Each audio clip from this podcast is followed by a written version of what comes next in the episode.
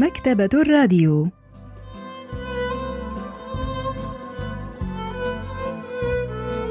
أهلا وسهلا بكم في حلقة جديدة من البرنامج الأسبوعي مكتبة الراديو الذي نستعرض من خلاله كتابا جديدا كل أسبوع. واليوم سوف نستعرض قصة صوت طبل الجينغ للكاتب مون سون تي لحظات ونوافيكم بالتفاصيل.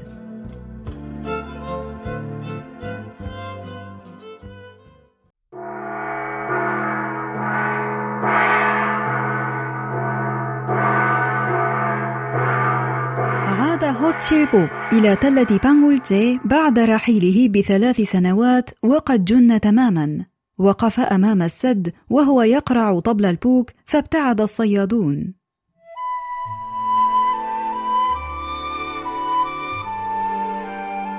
كان تشيلبوك يحمل ابنته على ظهره عندما حل في القرية كما تحل الرياح فلم يكن هناك من يتذكره.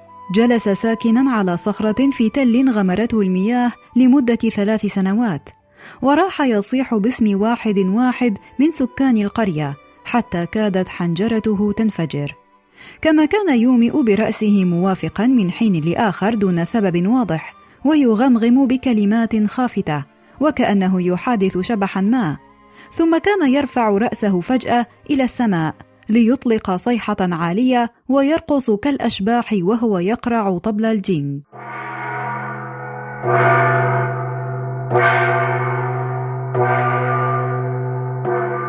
نشرت قصة صوت طبل الجينغ للكاتب مون سون تي عام 1978 وتدور القصة في قرية ريفية غمرها الفيضان عندما بني سد بالقرب منها الناقدة الأدبية جون سو يونغ تشرح لنا خلفية القصة. 1970년대는 근대화가 빠르게 진행되었던 시기입니다. كانت كوريا تجري عمليات التحديث بشكل سريع في سبعينيات القرن الماضي. فبنيت العديد من السدود لتوفير المياه ونتيجة لذلك عانت الكثير من القرى من الفيضان. فسد تشانغ سونغ الذي بني في منتصف سبعينيات القرن الماضي بالقرب من نهر يونغسان سبب فيضان الماء فأجبر سكان القرى المجاورة على إخلاء قراهم وترك حقولهم ومنازلهم التي توارثوها أجيالا بعد أجيال. والتخلي عنها مقابل تعويضات زهيدة. وتل بانغمولجي في القصة هو مكان خيالي ليس موجود في عالم الواقع لكنه يمثل الألم والفاجعة التي تعرض لها بعض القرويين أثناء عمليات التحديث في سبعينيات القرن الماضي. ترك تشيلبوك القرية التي ضربها الفيضان وذهب إلى المدينة، لكنه عاد إلى قريته بعد سنوات رجلا مجنونا يحمل ابنة صغيرة. كان يتجول في القرية حول البحيرة ويقرع طبل الجينغ بصوت مرتفع مما دفع الصيادين لضربه وطرده من المكان.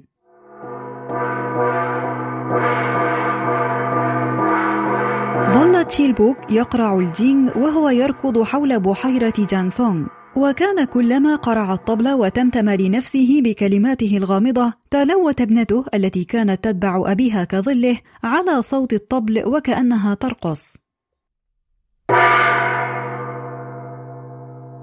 دكتير بونغو بالبان أين أنتم يا رفاق؟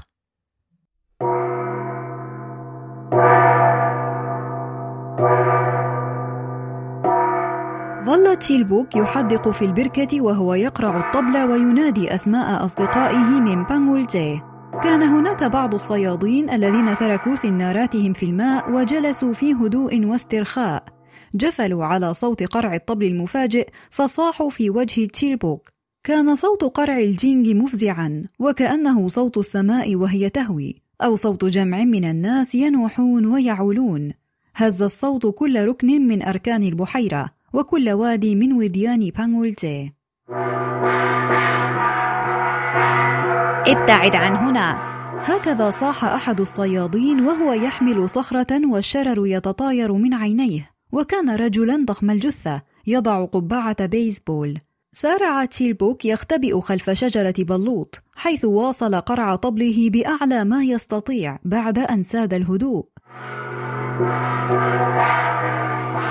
لم يكن صوت الجينغ حادا هذه المرة بل كان يشبه صوت مجموعة لا نهائية من الصخور وهي تتدحرج على تلة بانغولجي باتجاه البركة. قال أحد الصيادين هذا المعتوه يفسد علينا الصيد.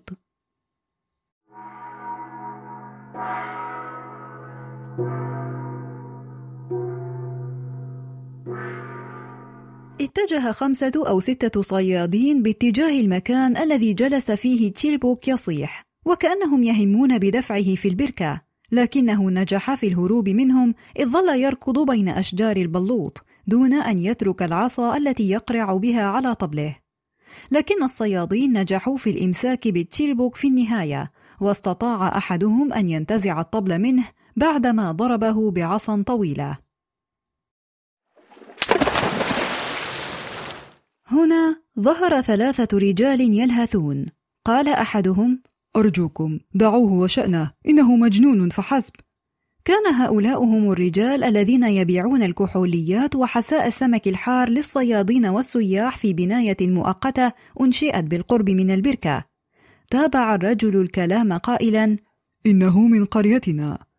قال أحد الصيادين هل تعني أنه يعيش في هذه القرية؟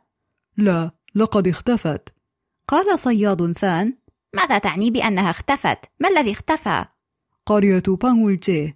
اختفت. لقد غمرها الماء. كل ما بقي منها هو شجرة البرسيمون هناك. هل تعني أن البحيرة التي نصيد فيها السمك الآن كانت قرية اسمها بانغولتي؟ نعم. إن طعم سنارة كل منكم يطوف الآن فوق أسطح منازلنا. وعد الرجال الثلاثة الصيادين أن أحدا لن يزعجهم مجددا. ثم أخذوا تشيلبوك معهم بينما قرر بونغو أن يبقى مع الصيادين ليقنعهم بتناول عصيدة السمك. كان بونغو وتشيلبوك صديقين مقربين فيما مضى. سأل أحد الصيادين لكن لماذا جن؟ بسبب السد. ذهب إلى المدينة بعدما فقد منزله لكنه جن تماما عندما فر أحدهم مع زوجته. يا إلهي ولما يعود إلى قريته بعدما فرت زوجته مع رجل آخر؟ ألم يشعر بالعار؟ تخيل مدى اليأس الذي دفعه إلى العودة إلى هنا حيث لا يمكنه الحصول على أي شيء. كلنا جربنا الذهاب إلى المدينة لكننا عدنا إلى هنا عندما فشلنا في الاستقرار هناك. والآن نكسب عيشنا بفضل الصيادين أمثالكم. لم يكن لدينا أي مكان آخر نذهب إليه. أردت أن أدفن إلى جوار أجدادي عند موتي حتى لو كان ذلك يعني أن أتضور جوعا.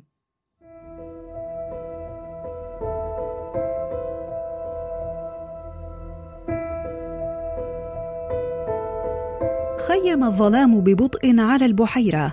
جلس تشيلبوك في المكان الذي كان الصياد ذو قبعة البيسبول الحمراء يجلس فيه قبل دقائق. كان يتأمل الظلال التي راحت تعبر سطح الماء. كان يسمع صوت حصاد الأرز من مكانه على البحيرة واستطاع أن يرى بانغولجي نفسها وسكانها والقرية. رأى شجرة التوت القديمة التي كانت تقف شامخة على قمة جبل القرية والوعاء الفخاري الضخم الذي لم يكن أحد يقوى على حمله سوى تشيلبوك. رأى جدار حجري مغطى بالقش والسور الخشبي عند منزل باندول وزقاق ضيق يملأه روث الأبقار. والفلفل الأحمر الذي ترك يجف فوق سقف من القش ومنزله هو بجوار جسر القرية. رأى بوابة منزل سندوك مفتوحا عن آخره وسط أشجار المشمش ورأى وجهها النضر كأزهار المشمش. قالت ابنته أبي أشعر بالبرد لنذهب إلى المنزل. لكن تشيلبوك لم يكن يملك منزلا ليعود إليه. استطاع أن يرى منزله الرابض تحت ماء البركة لكنه لم يستطع أن يقفز كي يذهب إليه. قال هل تستطيعين رؤية منزلنا تحت الماء؟ أين؟ أنا لا أراه. هناك تحت الماء. أنت حمقاء إن كنت عاجزة عن رؤية منزلنا هناك. قالت باكية لا أماه قال المرأة اللعينة. التقط صخرة كبيرة وألقاها في البحيرة وكأنه يريد أن يحطم بها جمجمة زوجته. جفلت ابنته من صوت اصطدام الصخرة بسطح الماء. قالت أبي قلت إننا سنذهب لمقابلة أمي. رأى تشيلبوك زوجته سندوك وهي ترتدي ثوب الزفاف التقليدي على سطح البركة. عندما ذهب إلى المدينة ظلت تعمل خادمة في المنازل لمدة ثلاث سنوات. كانت هي من عبرت عن رغبتها في الانتقال للعيش في المدينة بعد شهر واحد من زواجهما. ألقى تيلبوك باللوم على فقره. قال انتظري وسوف ترين سوف أصبح أغنى رجال بانغولجي خلال عشرة سنوات فحسب. كان تشيلبوك يعمل ليلا ونهارا وخلال ثلاث سنوات استطاع أن يشتري قليلا من أفدنة أرض غير مسجلة. ورغم أنه لم يستطع أن يصبح أكثر رجال بانغولجي ثراء كما وعد فقد استطاع أن يبتاع أرضه الخاصة كأي مزارع محترم. لكن سدا بني في بانغولجي تسبب في إغراق الحقل بالكامل. ولأن أرضه لم تكن مسجلة في سجل القرية فلم يستطع أن يحصل حتى على أي تعويض وأجبر على ترك منزله. أجرت أسرة تشيلبوك حجرة صغيرة في مدينة كوانجو وحصلت سوندوك على وظيفة في مطعم كبير. أما تشيلبوك ففشل في الحصول على أي وظيفة أو عمل مهما كان بسيطا لأنه لم يكن لديه مهارات تذكر. ولذلك عندما حل الربيع عاد إلى القرية كي يساعد في زراعة الأرز في الحقول التي أخليت من الماء. وفي الصيف كان قد جنى بعض المال نظير عمله فعاد إلى كوانجو. كان ينوي الانتقال من جديد إلى بانغولجي مع أسرته. لكن خطته لم تتم كما أراد أبدا.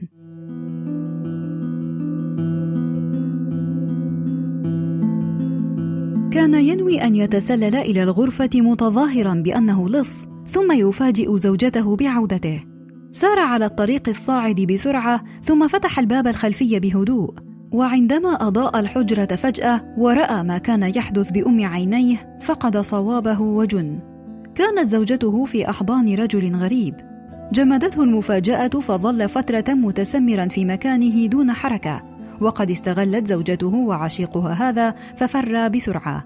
ورغم أن تيلبوك خرج للبحث عنها لم يستطع أبدا أن يعثر عليها.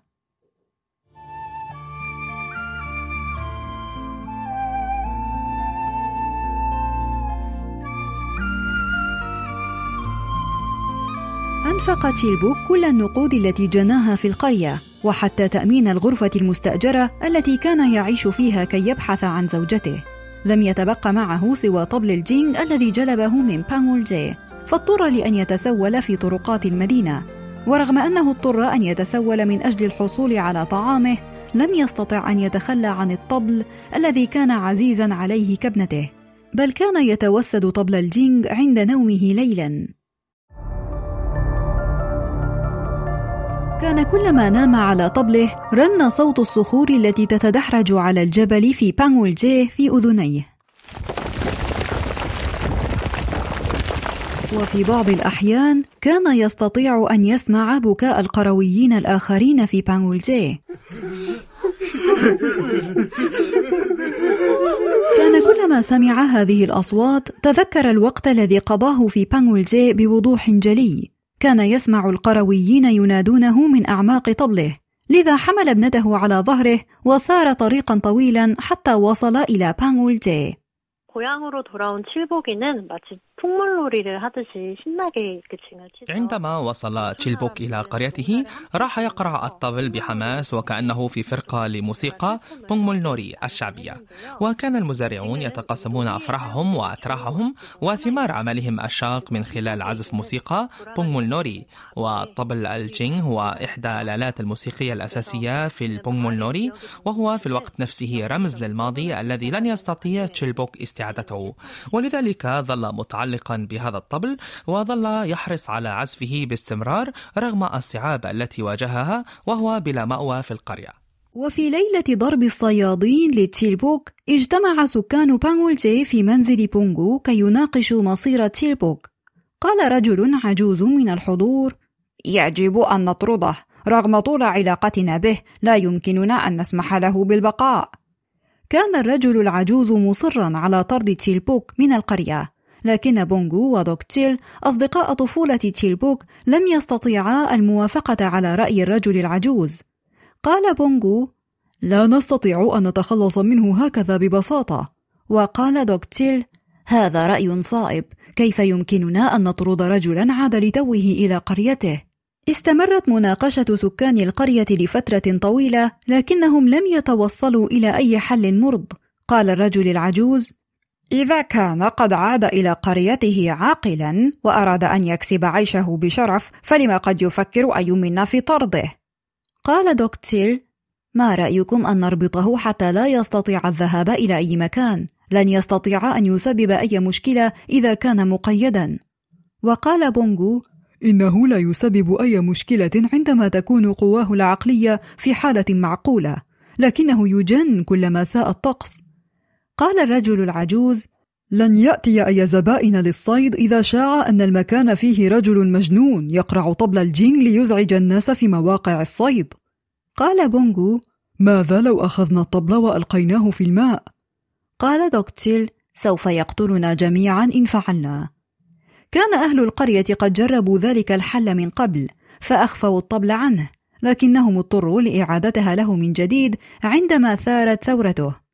لما رأى الرجل العجوز أن صداقة بونغو ودوكتيل القديمة بتيلبوك تمنعهما من اتخاذ أي إجراء حاسم ضده أمرهما بكل حزم بأن يطرداه من القرية في تلك الليلة دون تأخير.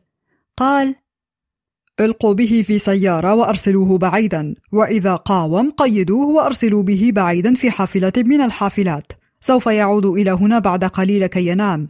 انقضوا عليه حينها وتخلصوا منه فورا دون شفقة. في هذه اللحظة دخل تيلبوك إلى الغرفة وهو يحمل ابنته على ظهره. قال تيلبوك ها قد وجدتكم. أرى أن كل الأصدقاء القدامى مجتمعين هنا. راح تيلبوك ينظر حوله في سرور واضح وهو يضع الفتاة على الحشية برفق لكن لم يحييه أحد. ثم ناداه الرجل العجوز. قال تشيلبوك نعم يا سيدي. لقد انتهى أمر قريتنا ولذلك فنحن لم نعد أهل قريتك. أنا أتفهم موقفك الصعب لكن لا يوجد ما نستطيع أن نفعله من أجلك. أدار الرجل وجهه بعيدا وواصل الحديث بوجه عابس متجهم.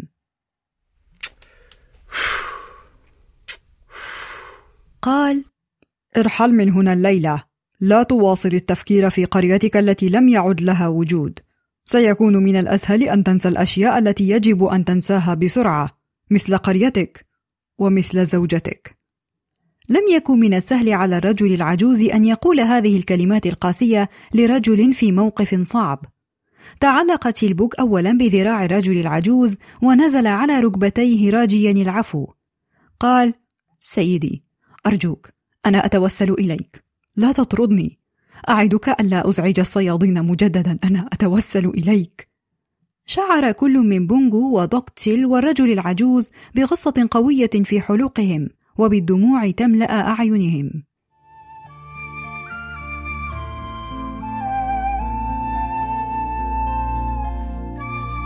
قال تيلبوك بونغو دوكتيل بالمان رجاء لا تطردوني.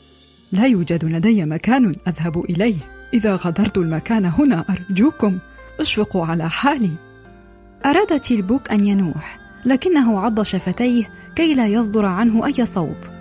لم يستطع تيلبوك أن يفهم نفسه أيضا. كان أحيانا يرى بانغولتي وسكانها بوضوح.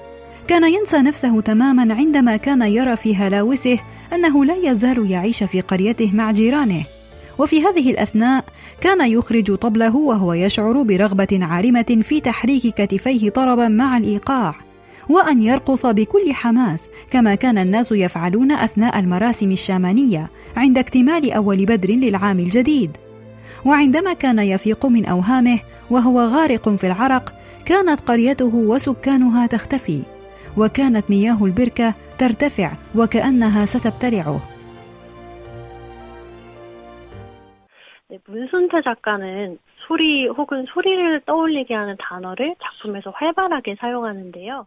يستخدم الكاتب الكلمات التي تصف الصوت أو التي توحي بالصوت بصورة حيوية متكررة في القصة ويلعب صوت طبل الجين دورا شديدا الأهمية في هذه القصة.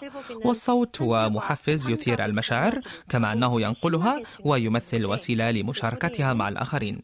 ويعاني تشيلبوك إذ يعجز عن التفرقة بين الواقع والهلوسات.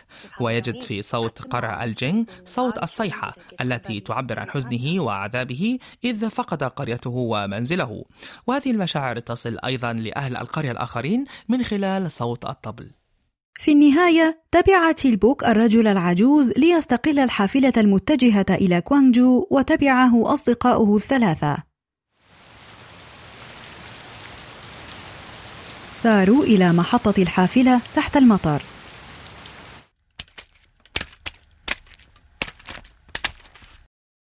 سرعان ما وصلت الحافلة وركبها تيلبوك قال بونغو باكيا لا تعد إلى هنا مطلقا. ثم أعطى تيلبوك بعض المال وهو لا يزال يبكي.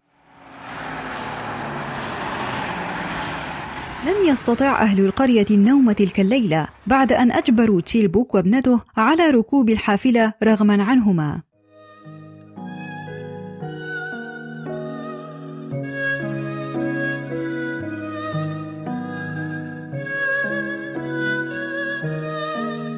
اشتد هطول المطر واستيقظ بونغو فزعا على صوت طبل الجينج الخافت الآتي من بعيد. تساءل ما هذا الصوت في منتصف الليل؟ راح يتخيل تيلبوك وقد أتى في الظلام مبتلا تماما وهو يبتسم في حماقة. بدا أن صوت الجينج آتيا من غابة قريبة وبدا أنه يبتعد في اتجاه السد. قال بونغو لا أعرف إن كان هذا صوت الجينج أم صوت الرياح. جلس بونغو وأشعل سيجارا. لم يستطع أن يعود إلى النوم فواصل التدخين. كان صوت الجينج الحاد يخترق قلبه كالشوك. وفي تلك الليلة ظل بالمان ودوكتيل والرجل العجوز يتقلبون في فرشهم عاجزين عن النوم من صوت الجينج الذي بدا أنه يأتي من كل مكان في القرية.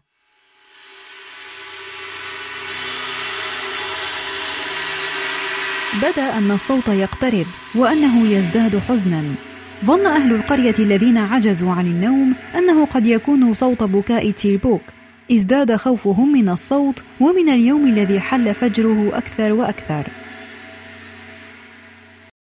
한밤에 이렇게 칠복이와 그의 딸을 어, 내보내면서도 ربما عجز أهل القرية عن النوم تلك الليلة بعد أن أجبروا تشيلبوك وابنته على الرحيل بسبب ألم الضمير أو الإحساس بالذنب.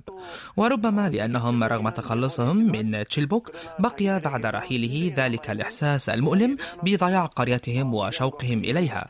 ولذلك فذلك الصوت الذي سمعوه والذي قد يكون صوت أشجار الغابات أو صوت الرياح بدأ لهم صوت الطبل الجن ممثلا إحساسهم إحساسهم بالذنب والألم والفقدان والعجز عن التخلي عن ذكريات قريتهم التي غمرها الماء.